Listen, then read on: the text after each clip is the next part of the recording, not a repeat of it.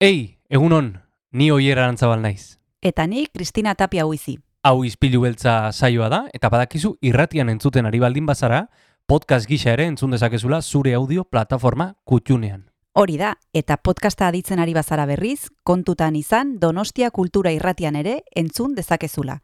FM eundazazpi puntu lau frekuentzian. Sare sozialetan ere topatuko gaituzu noski, izpilu beltza bilatuta, Instagram, Facebook eta Twitterren. Besterik gabe, guazen gaurko saioarekin. Az gaitezen,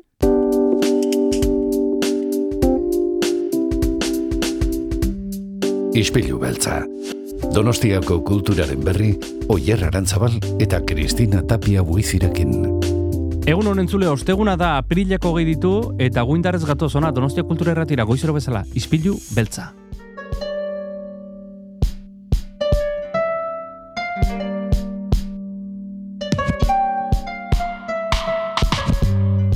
Goizero esan dut, baina izan daiteke guardia, arratzaldea, gauerdia ere bai, ze podcast gisa ere, Chris, entzuten gaitu jendea. bai, eta bueno, irratian ere bai, gauean ere, eta eguerdian ere bai, Baita ze gogoratu behar dugu, goizeko sortzietan izaten dugula lehenbiziko pasea, baino gero ordubitan eta bereatzitan ere bai, hor gaudela matraka ematen egun da zazpi puntu lau FM-en. Hori da, matraka ematen dugu eta espero dugu e, bestaldean zaudetenok gustora pasatzea gure matrakarekin.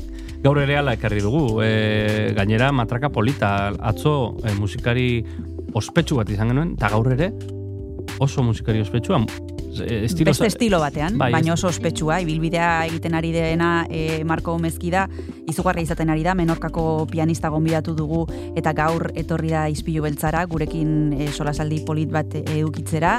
Esan bezala, e, Marko Mezkidak pianoa joko du Victoria Eugenia Antzokian apirilaren hogeita marrean, eta trompeta, eta trompetarekin eta ahotsarekin Andrea Motis egongo da, eta guk e, ba, pianista, menorkako pianista ekarri dugu, eta gainera ekarri dugu Josemi Beltran. Badekizue giza eskubideen zinemaldia hasiko dela, justu bihar, eta zazpi eguneko iraupena izango du, eta horren inguruan arituko zaigu. Josemi Beltran ostegunero etortze zaigu eta bueno, e, beti izaten du zer hitz egina zinemaren inguruan. E, gaurkoan esan bezala ba, zinema, e, giza eskubideen zinema jaialdiari erreparatuko diogu. Eta musika ederra beti bezala, guazen gorko saioarekin. Guazen.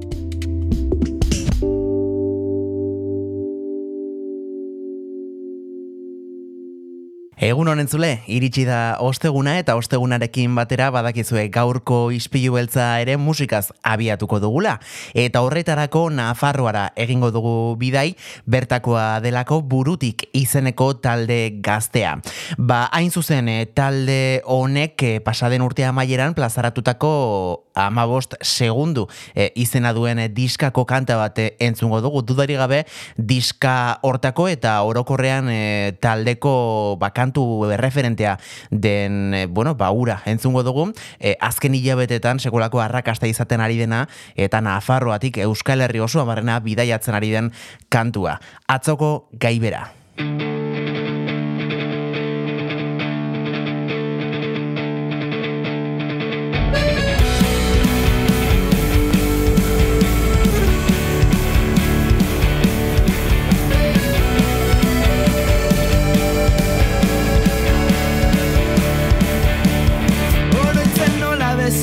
Simple bat. Ezten begi honez ikusi inoiz guretzat. Nola normaltasun berri horrek guri Ez zigun eragin. Nola zeinak beti izan duen aukera. Eraikitzea kaiolarik ederrena. Aldarria egin zion berdin ustezko askatasunari. Muxu trukirri barre bat orkampoa ever since.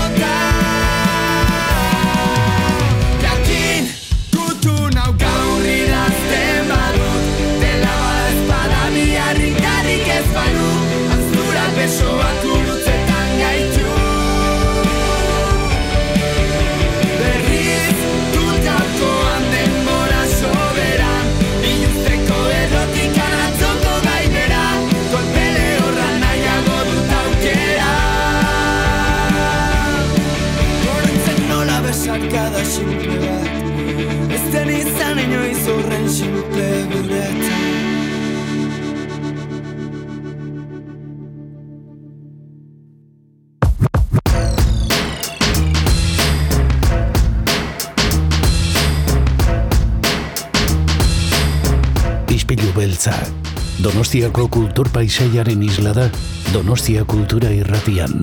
Eta zure audio plataforman Spotify, Apple Podcast, Google Podcast eta irratia.donostiakultura.eus webgunean.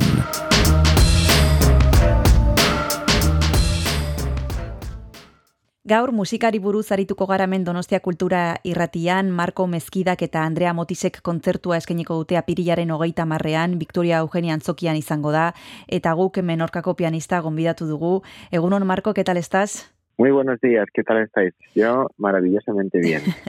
bueno, vuelves a Donostia, en este caso va a ser el 30 de abril, junto con Andrea Motis. ¿Qué habéis preparado para este concierto? Pues un concierto precioso, lleno de canciones maravillosas que van a hacer las delicias de los presentes. Habrá influencias de, de, muchos estilos, del mundo del jazz, del estándar, de los estándares de jazz. Habrá algún guiño a la música brasileña, también habrá algún guiño a la música ibérica o algún bolero o a la música cantada en castellano, pero también intentaremos hacer alguna canción vasca, porque nos encanta el folclore vasco y tenemos ganas de también en cada concierto hacer alguna cosa. Y después pues habrá algunas composiciones propias también, canciones que son de Andrea o mías o alguna en conjunto. Y en este repertorio incluís piezas que os gusten a vosotros, que sabéis que van a gustar. ¿Cómo es ese equilibrio eh, de hacer un poco lo que sabéis que va a funcionar o simplemente os ceñís a lo que a vosotros os gusta? No sé, cómo, no sé cómo es eh, esa, esa cuerda, eh, transitar esa cuerda. Sí, sinceramente no pensamos en lo que va a gustar o lo que ya sabemos que va a funcionar porque no es una manera muy muy interesante de pensar porque además la música en general pues son las canciones pues son son pueden ser bonitas de muchas maneras pero no se trata tanto de eso sino que se trata de encontrar nuestra manera de, de contar las cosas nuestra manera de, de sentir y a través de las canciones que elijamos que serán siempre canciones con las que tenemos un vínculo especial, ¿no? De mm. canciones con las que nos sentimos identificados, que de alguna manera sentimos que son apropiadas para esta formación de voz y piano y con trompeta o mm. saxo. Entonces es como hacerle un vestido especial y, y, muy bonito para cada ocasión para que realmente la, el viaje que ofrezcamos musicalmente pueda ser para empezar, disfrutado por nosotros dos y que sintamos que, como artistas que somos hemos dado lo mejor. Y a mm. partir de allí, si sentimos que estamos compenetrados, que damos lo mejor, que estamos concentrados, que estamos felices de estar haciendo eso, entonces créeme que el público va a recibirlo y esperemos que entonces sí que sea un éxito Mm, sí, y al hilo de esto, Marco, en la sinopsis del programa eh, se dice eh, que lo hacen con naturalidad, fluidez, sensibilidad y complicidad entre ellos difícil de encontrar. Me ha llamado ese difícil de encontrar. Eh, ¿Crees que a veces vemos músicos que simplemente se limitan a ejecutar las piezas y que cuando hay esa complicidad que se subraya en el programa y que subrayabas tú ahora mismo también, eso traspasa esa barrera que separa el escenario del patio de butacas, ¿no? Que eso se nota. es una buena pregunta, Cristina, la verdad.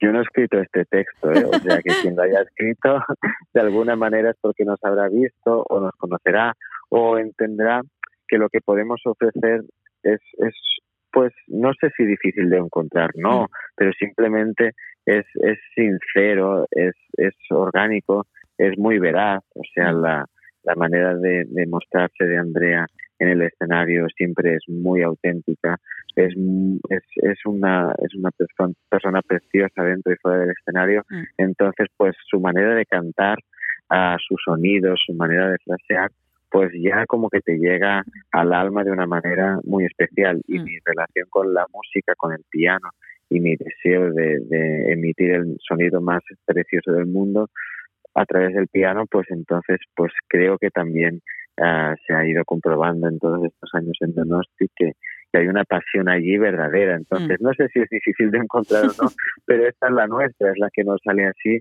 Entonces, pues cada evento intentamos pues siempre superarnos y crecer, ¿no? Entonces, el día 30 de abril será uno de esos días, además en el Teatro Victoria Eugenia, Mm. que es maravilloso, que Ujú. suena maravilloso, y en una fecha tan señalada que esperemos que el público ah, de Donosti pues nos, nos pueda acompañar.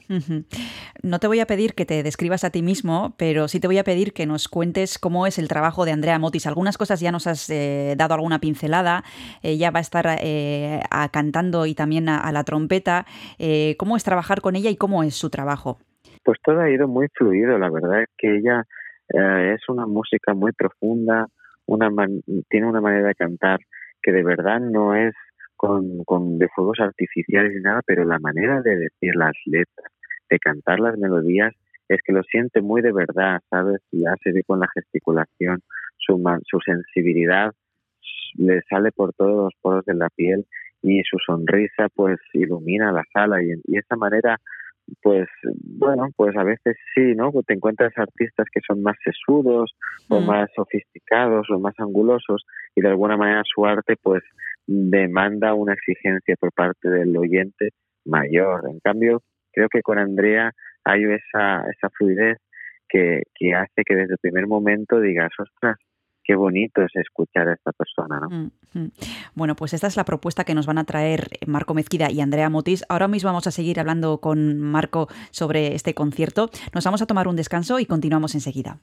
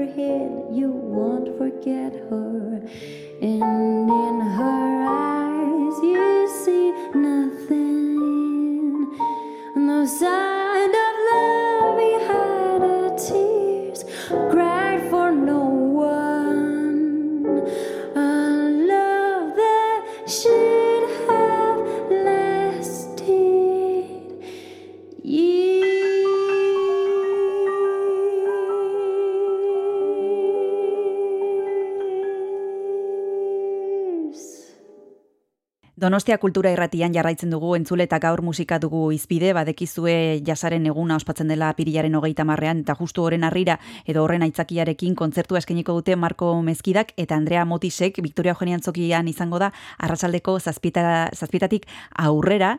Eh, no es la primera vez que vienes, Marco, a Donostia. ¿Cómo te trata este público? ¿Cómo lo ves? Tú que has estado en tantos lugares, en los sitios más lejanos. Eh, no sé si hay diferencias entre los públicos, si todos, si somos iguales, si nos tomamos tus trabajos de formas similares, de formas distintas. Tú que estás ahí arriba, ¿cómo nos ves? pues la verdad, sinceramente, creo que en Donosti es eh, disfrutado del público más generoso, más ah, empático, a la vez siempre con unos oídos y un respeto enorme, porque ya te digo que la lista de los grupos con los que he actuado eh, en, en el Festival de Jazzaldia Hmm. es enorme en los Sí, últimos siete años sí. y entonces te prometo que cada concierto ha sido muy emocionante, con el público en pie, con mucha gente deseando tener el disco, acercarse a mí, darnos abrazos, compartir.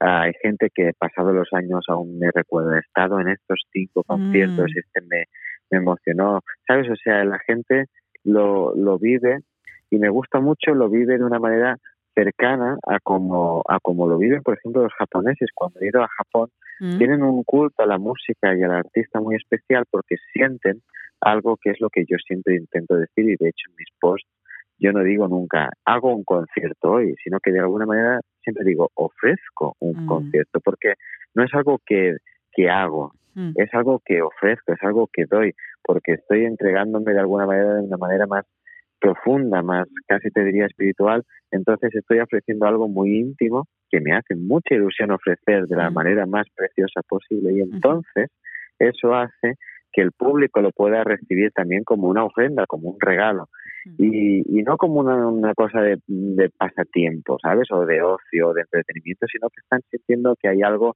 mucho más personal e íntimo que se está mm, que está aconteciendo allí. Mm. Entonces, pues ah, el público de Donostiarra siempre ha sido muy, pero que muy cercano, muy agradecido y, y ya te digo, cambia muchísimo en cada lugar. De Hmm. hecho, de Vitoria a Donosti cambia mucho. De Vitoria a Galicia o a Cataluña o a Aragón o a Andalucía cambia muchísimo. Y después la idiosincrasia de cada región, de cada país, pues también cambia Mm, muchísimo. mm, Entonces, mm. Esperemos que sea un día, como te digo, muy celebrado y sobre todo que la gente lo reciba como eso, como, como si fuese nuestro nuestro primer y último concierto con esa emoción y esa intensidad que deseamos ofrecer. Somos diferentes, pero podríamos decir que el denominador común de todos nosotros es que apreciamos tu trabajo y de hecho cuentas con el reconocimiento del público, ¿no? También con el de la crítica. Tu camino y tu carrera eh, están llenos de premios, de los reconocimientos más importantes y yo no sé, siendo tan joven, bueno, tan joven para mí por lo menos, eh, que soy ya mayor que tú, eh, ¿cómo te imaginabas eh, tu carrera? No sé si alguna vez pensaste que iba a ser así, si, si estás superando tus expectativas, si nunca has pensado en el futuro. Pues siempre he ido paso a paso, la verdad. Siempre de una manera muy, muy sencilla y muy con los pies en la tierra, porque como sabéis, yo nací en Menorca, en un- una ciudad pequeña y, y- y sé, sé de dónde soy, sé de dónde vengo, quién soy, sé dónde estoy, quiero decir que también sé dónde están mis máximos referentes y, y sé que mis referentes los ten- yo tenía un sueño que era acercarme a ese nivel, a, ese, a esa exigencia y a esa excelencia y de alguna manera, de manera muy paulatina, muy orgánica y muy progresiva y constante, pues he ido trabajando en cada uno de esos deseos, ¿no? Y Mm. claro, pues sinceramente no, no me esperaba a que a mis 36 años que cumplí hace tres días, pues estuviese disfrutando de una de una agenda tan completa, de Mm. tantos viajes, de haber viajado por 40 países, haciendo música con de los mejores músicos de esta música que hay en el país, con, con artistas pues de este nivel como es Andrea Motis, y poder viajar y dedicarme a esto y sentir que, como bien dices, el público, la crítica, los compañeros, pues siempre han, han estado cerca, han apoyado. ¿Y qué te puedo decir? Pues que es un regalo que solo me da más y más ganas de seguir dedicándome a esto en cuerpo y alma. Nos vamos a tomar, Marco, si te parece bien, el segundo y último descanso y vamos a encarar ya la recta final de esta entrevista enseguida.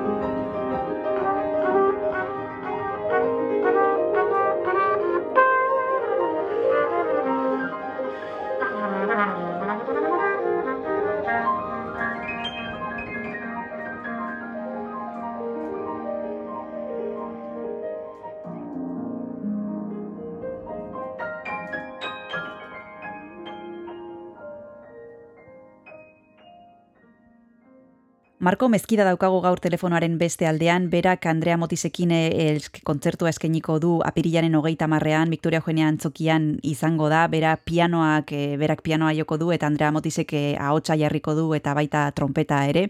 Eh, estabas hablando de, tus orígenes, de que provienes de una ciudad pequeña de Menorca, que, que te da un poco, bueno, la, la- raíz, ¿no? De saber quién eres y dónde estás.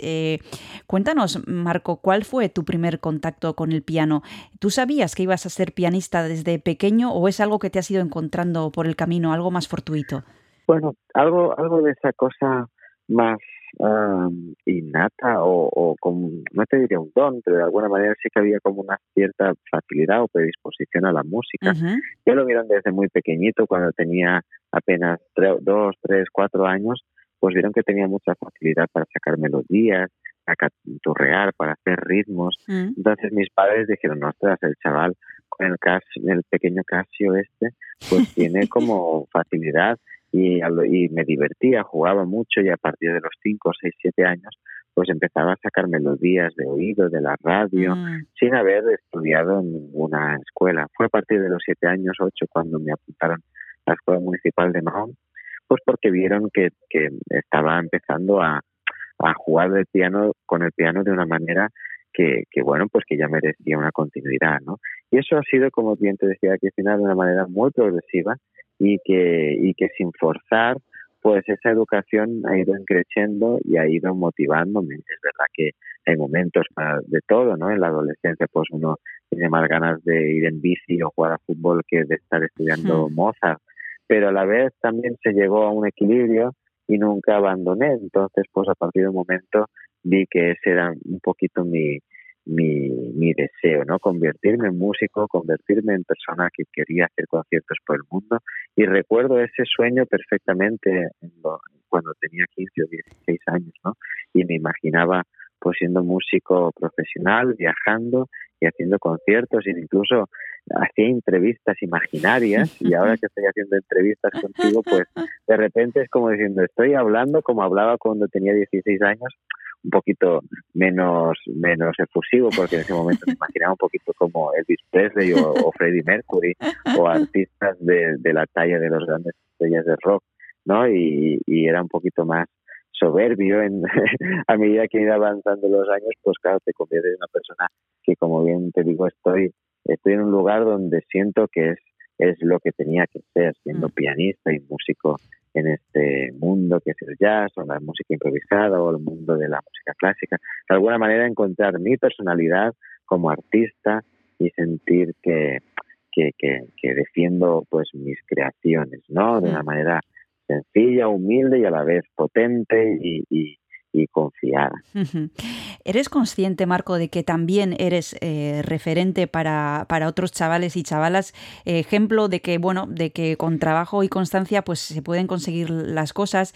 Eh, no porque seas tú, eh, sino porque una persona a los 36 años con esa carrera y supongo que quien vaya a verte y tenga pues esos 14, 15, 16 años que decías tú ahora, pues que seas un, modo de ejemplo. No sé si lo vives con conciencia o no, no te planteas que puedes ser modelo.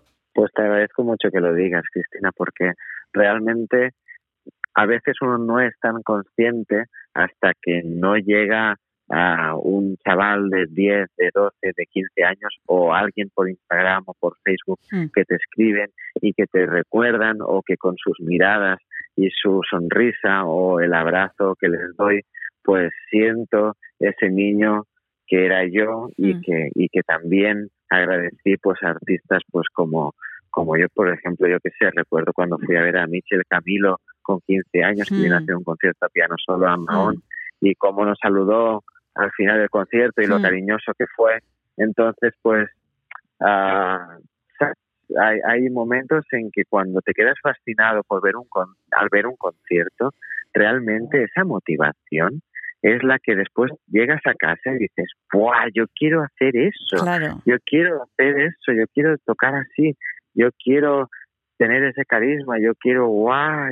¿Sabes? Sí. Y entonces, pues sí, sí, le tengo que agradecer para empezar a mis profesores, a mis padres, a, a- a mi manager, a mis, fam- a mis familiares, Mm. todo el apoyo que he recibido, pero sin duda a mis referentes y todos los conciertos que he ido a ver y que me han hecho sentirme, vamos, como decir, tengo clarísimo, clarísimo que me quiero dedicar a esto, que es mi pasión, que veo que es la pasión de esta persona que tengo delante y que ha dedicado su vida a ser músico, a ser concertista y nos está regalando en el día de hoy pues su arte, ¿no? Y imagínate pues que en el Festival de Jazz de Menorca que iban pasando artistas de muy diferentes calibres y claro, yo flipaba, digo, esto es muy fuerte. Entonces tengo esa responsabilidad también porque soy consciente de que si estoy en un escenario y hay mil personas allí, pues deseo que haya gente muy jovencita que, que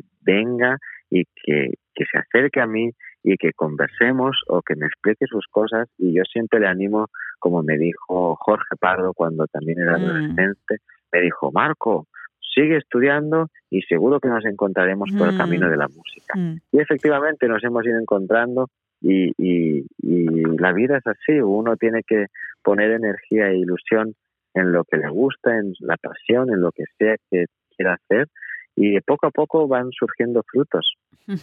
Hablas de ilusión, eh, Marco. ¿Te ha resultado en algún momento difícil mantener la ilusión? ¿Algún momento que hayas dicho, "Mm, me está costando? O no, no- no sé cómo, cómo lo hacéis en una carrera que, que en tu caso va tan rápido. eh, pues eso, no sé si es difícil o, o- o no. Mm, es, es muy personal eso, Ujú. lo que no, no hay duda de que es algo muy personal porque sí, ninguna carrera es lineal, Mm, ningún proceso es siempre maravilloso, quiere decir que, mm, que siempre hay altibajos, siempre hay momentos de mayor confianza o menor, hay momentos de más baches, hay momentos de mucha más alegría, euforia, pero lo que sí que está claro es que todo eso, los momentos más bollantes y los menos, todos suman. Es decir, que es normal que uno tropiece. La cosa eh, no es eso, la cosa es que hay que caerse y levantarse, poner, tener la energía de hacerlo y eso en cualquier momento.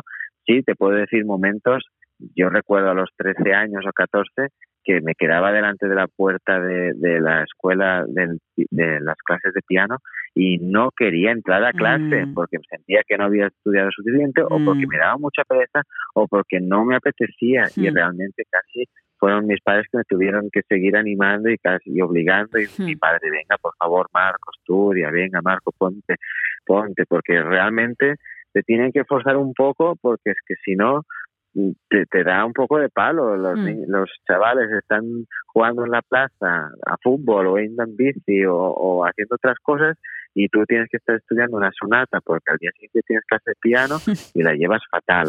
Pues eso te provoca una crisis que obviamente si superas, pues ya has superado un nuevo un nuevo escalón Mm. de, de tu vida, ¿no? Mm. En sea lo que sea, en lo mío con el piano, con la música, pero otro pues será pues haber perdido con su equipo al fútbol o al básquet o, o- u otro pues en la pintura pues Mm. ver que, que no tienes que no te está saliendo bien lo que quieres pero que te sigues esforzando. Y ese esfuerzo y esa constancia y ese apoyo también de la gente de alrededor pues es muy necesario la verdad. Entonces la ilusión palabra clave confianza palabra clave Mm. una cierta disciplina, palabra clave, y a partir de allí, pues ir medrando y progresivamente, pues no perder la, la confianza y la ilusión, porque es que verdaderamente es algo diario. Hay momentos que dices, ¡buah! Y, y te lo digo porque mi manager mismo, que es un súper profesional con una súper carrera, pues también me dice, Marco, es que tengo momentos verdaderamente desmoralizantes Mm. porque mandas mails y no te contesta ni un 5%, ¿me Mm. entiendes? Y, y imagínate, o sea, que la gente que se piense que a nosotros nos programan un montón de lugares cada día y que es increíble, pues no, les digo, no, no, para que veas que un manager con mucho rigor tampoco recibe Mm. ni respuesta de muchos de los promotores o programadores y que es un esfuerzo diario, pero que por mucho que dina- dinamite cierta la confianza o la, la ilusión en ciertos momentos, ahí está quien es capaz de volverse a levantar, recuperarse y seguir poniéndose manos a la obra cada día. Que ese es el único secre- secreto del éxito, la verdad.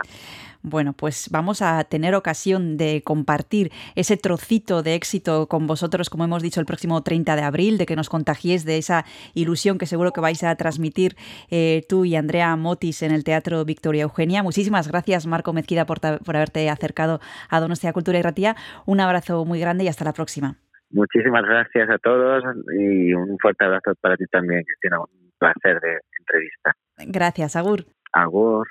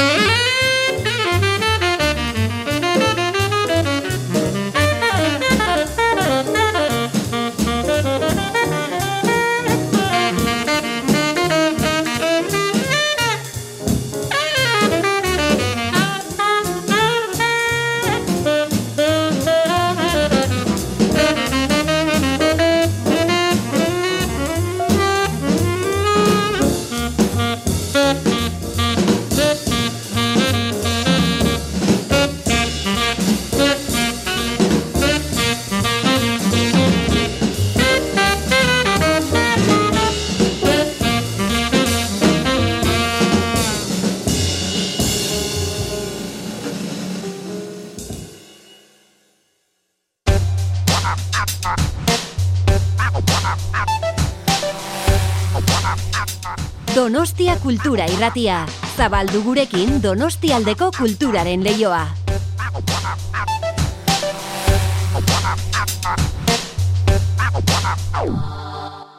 Asteko bigarren itzordua dugu zinemarekin gaur osteguna da eta badekizue ostegunetan Josemi Beltran hurbiltzen zaigula Donostia Kultura irratira, bera Donostia Kultura Unitateko zuzen, zine zuzendaria da eta justu hitz egingo digu gaur giza eskubideen zinemaldiaren inguruan bihar hasiko da pirilaren hogeita batean eta hogeita zortzir arte izugarrizko pelikulak besteak beste disfrutatzeko aukera izango dugu. Egunon Josemi zer modu zaude? Kaixo, ondo, ondo, ba, ia, ia, ia, astear gaude, osea, que... Astear zaudete eta ja dagoeneko dena itxita e, izango duzue, e, asteak, e, pentsatzen dut, azkeneko asteak izango zirela pixka bat e, zoramena, zuen bulegoetan, baina, bueno, ja idiritsi da eguna, bi arrasiko zarete, e, Josemi esan bezala hogeita, hogeigarren e, edizioarekin, eta kontatu pixka bat e, nola izan, nolakoa izango den aurtengo edizioa, eta joango gara pixkanaka pixkanaka pixkanaka hitz egiten e, pelikula batzuen inguruan. Venga, zer nola izango, nola izango da aurtengoa? Bueno, ba, hogei, hogei, urte, hogei urte dira ja, e, eta printzipioz e, festivala tamainoari dagokionez ez da, ez da ziko, e, bueno, ba, gutxi gora bera, oiko film kopurua izango dugu, amazazpi film luze gure zail e, ofizialean, e, beste ziklo txiki bat e, tabakaleran, e, agian aurreko urteekin konparatuta agian badago erakusketa bat edo bi gehiago, e, baina batez ere kalitatean eta eta bueno, e, festivalaren mezuan eta indarrean ba, lan egin dugu gehiago, nire ustez, e, tamainoan baino, ba, eta ere adibidez aurrentzako edo ikastolentzako emanaldiak, beti dira oso, oso garantzitsu guretzat, e, ba, atal pedagogiko hori eta eta sinema bitartez ba, e, bueno, ba transmititzea edo mezuak edo mezuak baino nire gehiago gustatzen zait esatea ba bueno eh eztabaidatzeko eh, abia puntuak eta ausnarketa egiteko abia puntuak eh, kalitatezko sinemaren bitartez. Hori izango litzateke pizkate elbleloa edo edo helburu helburua. 20. edizioa izango da aurtengoa eta esan bezala eh, pelikulak ikusiko ditugu eta pelikula batek emango dio hasiera aurtengo edizioari. Josemi aipatu genuen hemen bere garaian, baina guazen esatera ze pelikula izango den e, inaugurazioan e, jarriko duzuena, eta hortik aurrera guazen pixkanaka pixkanaka egitera pelikulen inguruan. Azteko, uh -huh. 20.000 espezies de abejas, ezta? Bai, 20.000 espezies de abeja, esti, esti urgezola, e, bueno, euskaldunak zuzendutako filma, uh -huh. e, Berlinen eta Malagan, e, bueno, baso arrakastatxua izan dena. Uh -huh. Ni ustez, e, bueno, agian lasaiago itxegin dezakegu datorren astean filmari buruz, vale. eren justu estrenatuko da zinemaretoetan, hogeita, hogeita batean bertan, eta, eta bueno, guri, bueno, egokia iruditzen zitzaigun, ba, bari irekiera, irekiera fin, e, festivalaren irekiera honekin egotea, zeren guztiz egokia da horretarako, gai, e, gai aldetik, eta guk egingo duguna esango da, ba, bueno, pizkate gala instituzionala edo filmarekin, eta baina jendeak izango du aukera e, areto komertzialetan ikusteko filma ja ostiraldetik egotera komentatu. Bueno, beste pelikula batzuekin, e, beste lekuetara joango gara, e, 20.000 espezies de abejas hemen e, gertatzen da, hemen kokatzen da, baina beste filmen inguruan e, hitz egin behar dugu, eta film hoiei esker esan bezala, beste leku batzuetara, eta fokua beste arazo batzuetan jarriko dugu, adibidez, Josemi. E, zertan fijatu zarete aurten, ze gai ekarriko dituzue? Bai, e, bueno, adibidez, e, Ukrania, Ukrania egon behar da, uh duda barik e, hau bezalako zinemaldi batean, ja ia izan genuen sola saldi bat, e, ia ia justu, bueno, ba, gergazi eta gero, edo gergaren, bueno, ba, zati gogorrena zita gero, eta -huh. Mariupolis 2, Mariupolis bi edo izango da dokumentala, eta baita ere izango da omenaldi bat bantazke darabiziu zuzendariari, zeren zuzendari hau gainera gurekin egon zen, 2000 bere opera prima orkesten, eta dokumental hau filmatzen zuenean, ba, hil zuten, hm? erraren, gerraren ostean, ba, hil zen, eta, eta bueno, ba, dokumentalak e, bueno, dokumentala hurbiltzen da e, Mariupol e, iriari eta eta bueno, ba, irudikatzen du edo reskatzen du ba ze egoera biziren e, bueno, Ukrainian e, momentu honetan. Hori hori adibidez, e, baina baita ere adibidez e, joango gara ba, e, jute, jute materiaren e, fabrika batera, Mhm. begiratzeko nola, nola lan, lan egiten denan, e, The Golden Thread da dokumentala, kasu Mhm. honetan, eta oso indartsua, bisualki, oso ederra, baina atzean dagoen egoera, e, langileen egoera, ba, asko itxusiagoa da, e, esan, de, esan dezakegu Mhm. hori ga- eguneroko kontuak edo eguneroko kontuak baita ere izan daiteke e, Basiriaren egoera e, ba, Sirian, bueno, ba, oraindik gerra eta konfliktoa badago, desagertu asko, e, askatasunik ez, eta The Lost Souls of Syria dokumentalak e, hori buruz hitz egiten du.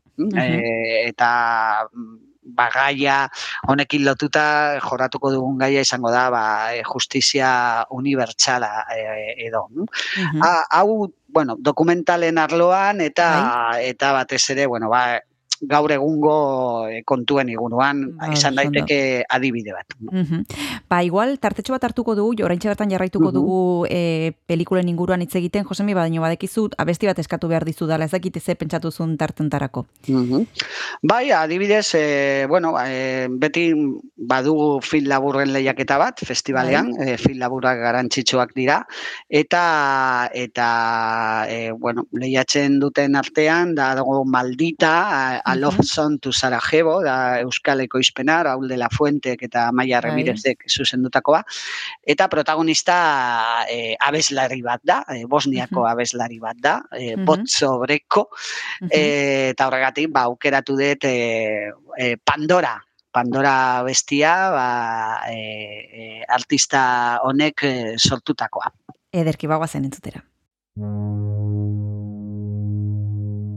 Ja ni nemam više riječi. Kada ljubav zbog njih vene Zar ima neko preči? Tebi draga sad od mene. Ah, ah,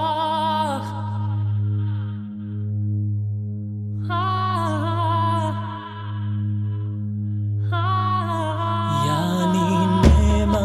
riječi Kada ljubav zbog njih vene Zar ima neko Tebi draga sad od mene.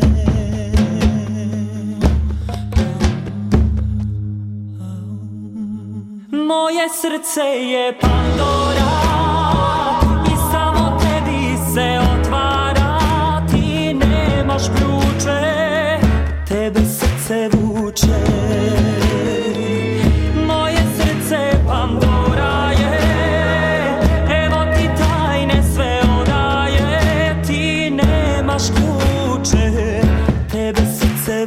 vuče Zato nemoj da mi pričaš.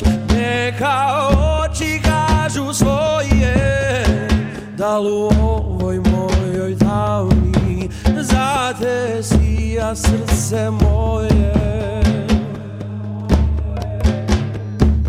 Moje srce je Pandora I samo tebi se otvara 被世界 xa.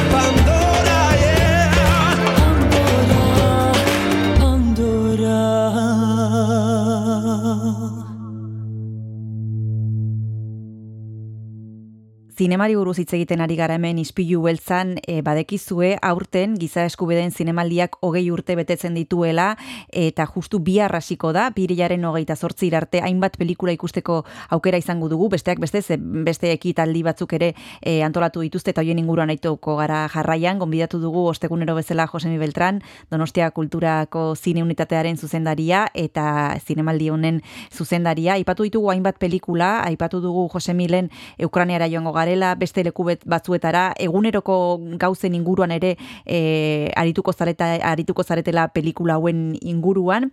Ze gauza gehiago proiektatuko dituzue? Bueno, baina aipatu behar dugu, esti urrezola aparte, badugu Bai. beste emakume zuzendari eta eta euskal emakume zuzendari eta ikoizpen desente daudela aurtengo, aurtengo bueno, eh, hautaketan. hm? eh, adibidez tetuan, hm? eh, Bai. iratzi Fresnedaren azkenengo dokumentala, eh, migrazioen inguruan, eh, ba, bueno, zenbait eh, protagonisten bitartez, adibidez eh, Saharara, eh, Saharara bi- bidaiatuko den dokumental, eh, bueno, itinerante dargon movie antzeko dokumental oso pertsonala, baina baita ere ba, gizarte mezu mezu batekin. Eh, edo Cabeza y Corazón, adibidez, Cabeza y Corazón, eh, Ainhoa Andraka, Ainhoa Andraka eta Zurigoiko etxea dira zuzendariak, eta eh, emakume kirolarien inguruan hitz egiten du, eh, kasu honetan ba, eh, gurpil eh, aulkien ba, saskibaloi taldea, Mm. eh, Mhm. Esta- Espainiako saskibaloi taldea da protagonista, eta da superazio superazio historio bat, beste dokumental bat, eh, superazio edo gainditzeko muga gainditzeko historio eh, historio batekin eta Euskaditik baita karpeta urdinak adibidez Ander Iriarteren dokumentala ja ikusi zen eh, Donostiako zinemaldian baina aurtengoa edo gure zinemaldikoa berezia izango da zeren batez ere solasaldian ba, oso gonbidatu interesgarri eta garrantzitsuak izango dugu ba torturari buruz eh, hitz egiteko eta bueno uste dugu benetan emanaldi hori ba bueno, emanaldi horrek markatuko duela ba, ba bueno, e, abia puntu bat baita e, dokumental honen e, ibil, ibilbidean Mhm, esan dezakegu. Mhm, Oso ondo. Baita, aipatu behar dugu beste emakume bat, ez da Euskalduna, Bai. baina bada aurtengo protagonista ere bai, eta da Carmen Castillo. Aurtengo, aurtengoan, aurtengo edizioko eh, saria jasoko du, eh, eta bueno, kontatu iguzu pixkat Josemi Norden eh, emakume hau, eta zergatik errekuperatu nahi izan duzue eh, bere, kar, bere ibilbidea, eta eta hain zuzen eh, pelikula bat eh, proiektatuko duzue. Eh, norren da Carmen Castillo? Mhm. Bueno, ba, e, e, bera da Txilekoa e, eta eta bueno, ba, e, ba sufrituzun baita ba, e, estatu kolpearen e, e, emaitzak edo, eh? ba, bueno, bere e, bere bikoteak hil zuten, e, diktadurak edo e, militarrek e, hil zuten eta bera zegoen ba, e, ba, bueno, resistentziaren barruan dikta- diktaduraren kontra. Mm? Eta Mhm. betidanik e, ba, e, bizi da e, kanpoan, e, Txiletik kanpo, e, Frantziara e, joan behar izan zuen, eta eta Frantziatik beti egondak eskatuta ba, ba, bueno, be, ba, bere herriaren ba, bueno, e- egoeragatik eta hori azaltzeko ba, zinemak eta dokumentala erabili, erabili du. Mm? Mhm. E, Calle Santa Fe izango litzateke agian ba, film e, ospetsuena, eta bere ibilbide pertsonala eta bere bere bueno, e, errepresioaren historioa eta bere familiaren historia beti erabili du e, ba, herrialde baten historio osoa kontatzeko, hainbeste e, bueno, ba, erritarren e, historia kontatzeko. Esilio, esilio eta memoriaren e, ba, irudiak eta testigantzak agertzen dira beti e, bere dokumentaletan. Eta horregatik, eta gainera e, hauten, bueno, ba, daukagu urte hurren bueno, ba, ez oso alaia, baina e, berogeita mar urte horrena da, e, estatu kolpe horren Bai. berogeita mar garren urte horrena, Salvador Allenderen kontrako estatu kolpearena, eta horregatik, ba, bueno, e, garantzitsua iruditzen zitzaigun, ba, aurten bereziki ematea saria, edo zein urtea esan daiteke, baina aurten bereziki uste du simbolikoa dela ematea saria e, e, zinegile eta intelektual honi, Carmen, Mhm. Carmen Castillori. Ederki, ba, bigarren tartetxo bat hartu behar dugu, Josemi, eta azken txampariekin diegu gero. E, lehen e, jarri duzu Pandora izeneko abestia, eta orain e, zer proposatzen duzu? Ba, Frontera, Frontera, Jorge, Jorge Dreslerren kanta, eh, agertzen da tetuan dokumentalaren bukaeran, iratzi Mhm. Fresnedaren bukaeran, zeren, bueno, baita ere dokumentalak dauka, ba, erritmo edo tonu vitalista bat eta eta eta besti honek eh, adierazten du hori baita. Ederki, bagoazen entutera.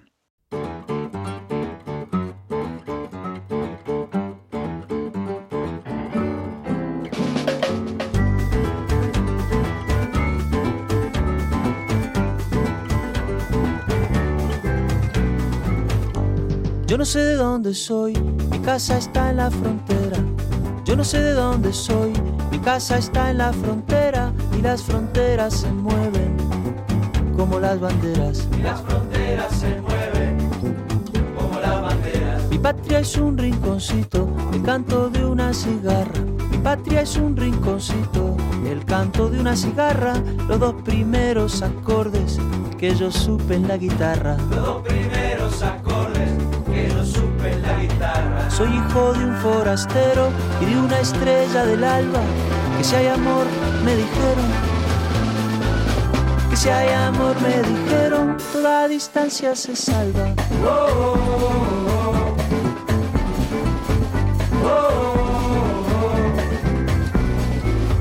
No tengo muchas verdades, prefiero no dar consejos. No tengo muchas verdades, prefiero no dar consejos. Cada cual por su camino, que igual va a aprender de viejo. Cada cual por su camino, que igual va a aprender de viejo. El mundo está como está, por causa de las certezas. El mundo está como está, por causa de las certezas. La guerra y la vanidad comen en la misma mesa. La guerra y la vanidad en la misma mesa. Soy hijo de un desterrado y de una flor de la tierra. Y de chico me enseñaron pocas cosas que sé del amor y de la guerra. Soy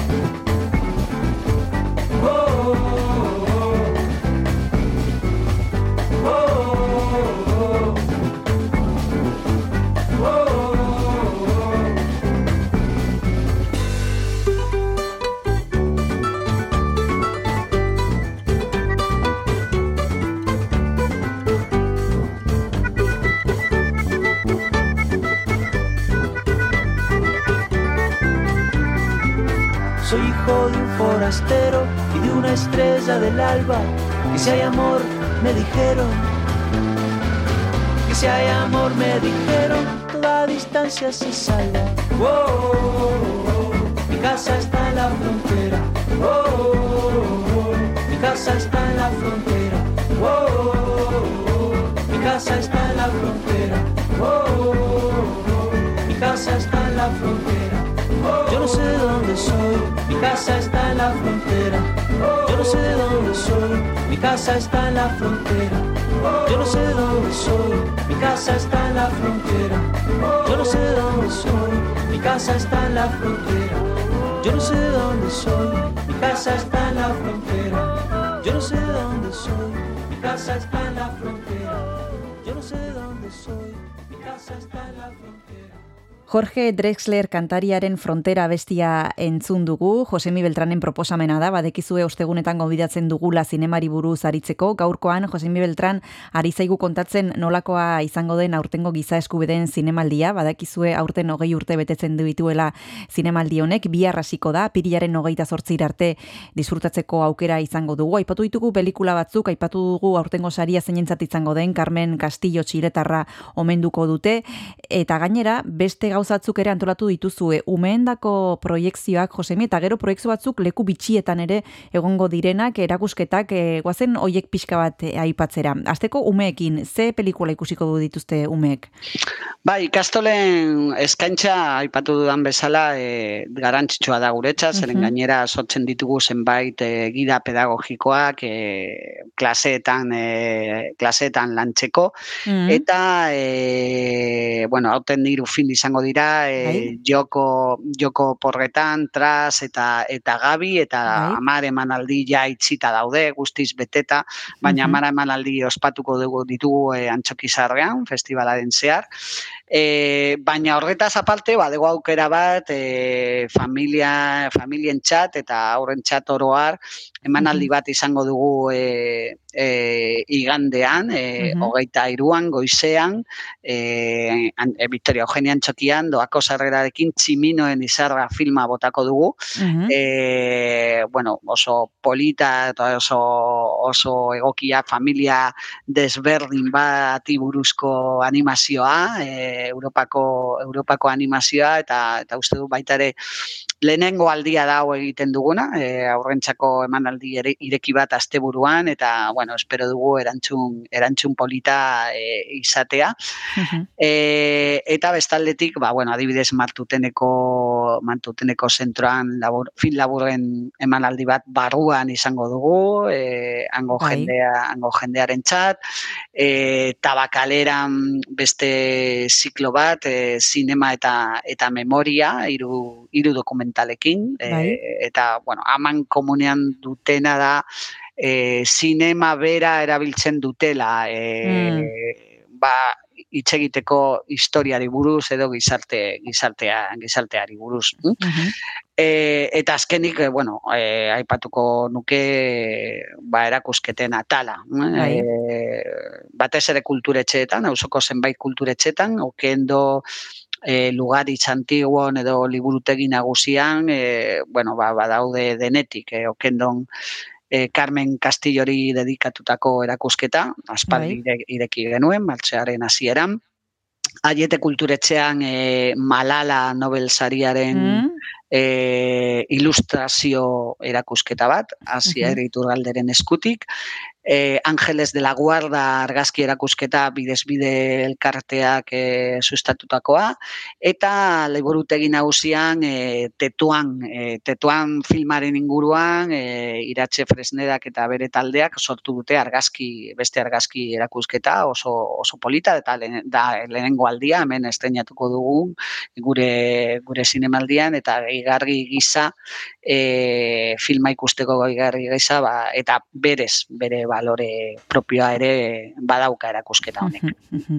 Eta bukatzeko, Josemi, aipatu behar dugu ze pelikula itxiko duen Mm. aurtengo zinemaldiak, eta gai horrekin lotuta beste pelikula bat ere, aipatzea gustatuko lezia duke, bueno, aurdunaldiak e, izango litzateke e, itxiera emango dion e, pelikularen gaia, baino gero errenterian kokatzen den beste pelikula batek ere, Ah, bai. bueno, gutxi gora bera, mantzeko zerbait aipatzen du, ez? Goazen bi pelikula horiek ere aipatzera, Josemi. Bai, ez dugu, ez dugu aipatu, baina bai, e, lehiaketan e, e, Silvia, Silvia Mun, Munten e, filma daukagu, e, Las Mhm. Buenas Compañías, e, eta bai, da, hemengo, hemengo ekoizpena, e, itxia, dituño dago adibidez e, antzesleen artean, Mhm. e, eta bai, errenteriakan e, irurogeita amarreko amarkadan gertatutako, bueno, ba, e, egoera kontatzen du eta oinarria dauka benetako elkarte elkarte errente horeretako elkarte batekin, eh? Mm. ba, emakume e, talde talde batek laguntzen laguntzen zien beste emakumeei ba, bueno, e, abortoak e, egiteko Frantzian eta frontera eta muga pasatzeko, zeren, bueno, momentu horretan e, estatuan ezen posible, eta, e, bueno, ba, zailtasun hori guztia daude fikzio honetan, e, bueno, nire ustez oso, oso ondoko e, kokatuta. hm? Mhm. Eta bestaldetik, bestaldetik itxiera filman, hau Frantziako ekoizpena da, toan non pli tinagian fi, e, berez hau da, ba, modern, kontu modernoagoa edo, edo gaur egun kokatutako filma historia da, fikzioa baita, e, baina da, bueno, ba, e, e, emakume baten egoera eta batez ere e, bueno, ba, biri- ibilbide judiziala edo e, bueno, ba, berak e, ezekien e, aurdun zegoela eta bueno, ba, akusazioa botatzen diote ba, e, bere, bere semea bere semea hiltzeaz, hm? orduan da, e, bueno, ba, eskututako e, a- e, aurdun prozesu hoien inguruan, da prozesu baita ere psikologikoa, eta, eta bueno, ba, e, ba horren inguruan, agian ez hain ezaguna den kontu baten inguruan, hitz egiten du e, filmak. Mhm. Ederki, ba, hause izango litzateke gutxi gora bera, hemen aipatu ditugu justu gauza Mhm. batzuk, baino, bueno, e, nik gomendatzen dizuet e, zinema eta giza eskubideen e, webgunera joatea, entzule, zinem, e, zinema eta giza eskubideak puntu eus, e, hor, elbide hortan informazio guztia daukatzue, informazio osoa, esan bezala, bihar hasiko da, hogeita zortzira arte irango du, eta zorte hon, Josemi, eta eskerrik asko izpilu beltzara urbiltzeagatik beste behin, besarkada bat eta horrengora arte. Ba, mila esker zuei, bai, e, ikusiko gera elkar, e, aretoetan. Hori da, agur.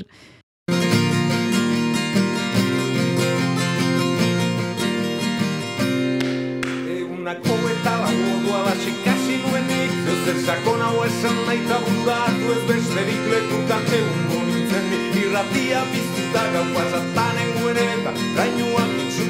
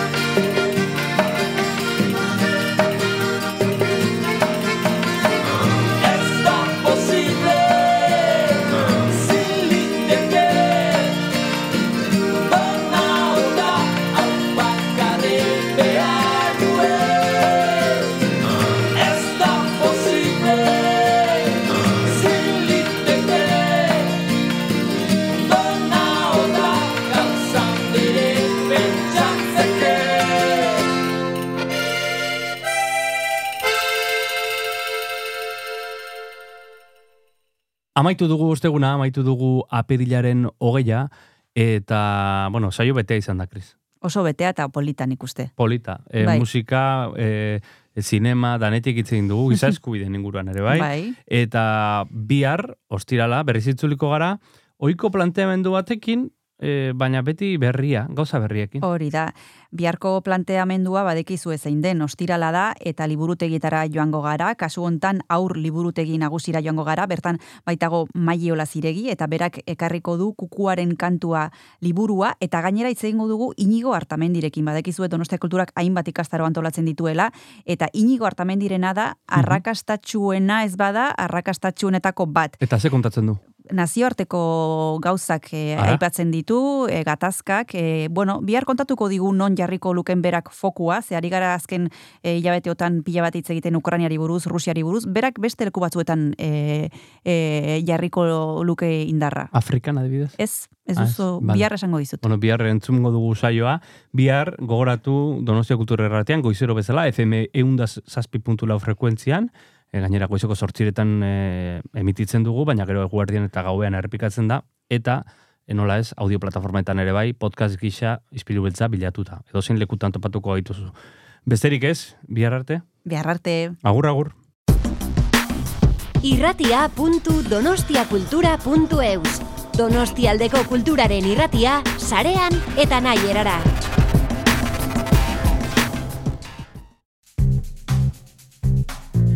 Kanta katilua. Kaixo entzule, iritsi da kantakatilua, iritsi gara musika tartera, eta gaurkoan e, tarte honetan Nafarroako talde bat izango dugu izpide. 2000 eta amazazpigarren urtean Tafaia eta Larraga artean sortutako talde bat. Talde nahiko berria, baino ibilbide oso oparoa izan duena momentura arte behintzat. Roten amairu taldea zari gara, endika iriso ahotsez, eh, David Uriarte basuaz, eh, Patxi Uriarte gitarra joleaz, Amaiu Respartza bateria jole eta Irati Palacios eh, gitarra moduan eh, dituen eh, bueno, bataldea eh, aipatu beharra dugu ere bai Javi Fernandez eh, basu jolea lan istripu batean zendu zela 2000 eta emeretzi garren urtean. Eta bueno, bataldekidek ere Javi Fernandez bera oraindik ere oroitzen jarraitzen dutela. Eta guk gaurkoan ba taldeak eh, 2000 eta hogeita bat garren urtean kaleratu zuen aurrera diska errepasatuko dugu goitik bera. E, bilduma honek amairu kantu ditu eta dudari gabe mm, orain arte taldearen bueno, ba, kanta e, guztien artean oi hartzun handienak e, diska ontako kantu batek e, kantu batzuek barkatu izan dituzte. Eta horixek e, entzuteko aukera izango dugu hementxe Donostia Kultura irratian datozen minutuetan. Aurrera du izena bildumak eta baita ere aurrera diska ontako lehenengo kantuak.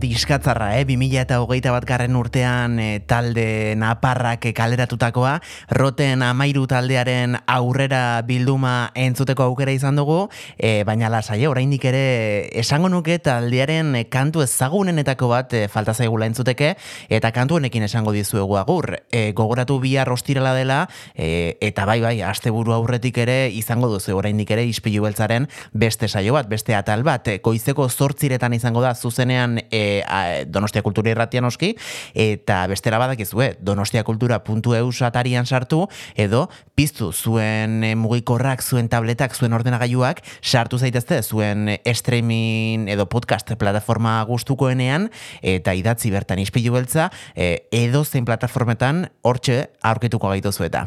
E, guraldetik besterik ez, bihar entzungo gara elkar, e, zuek nahi baduzu behintzat, bihar arte, txintxoak izan. Hauxe da, azken rock and rolla. Roten amairu.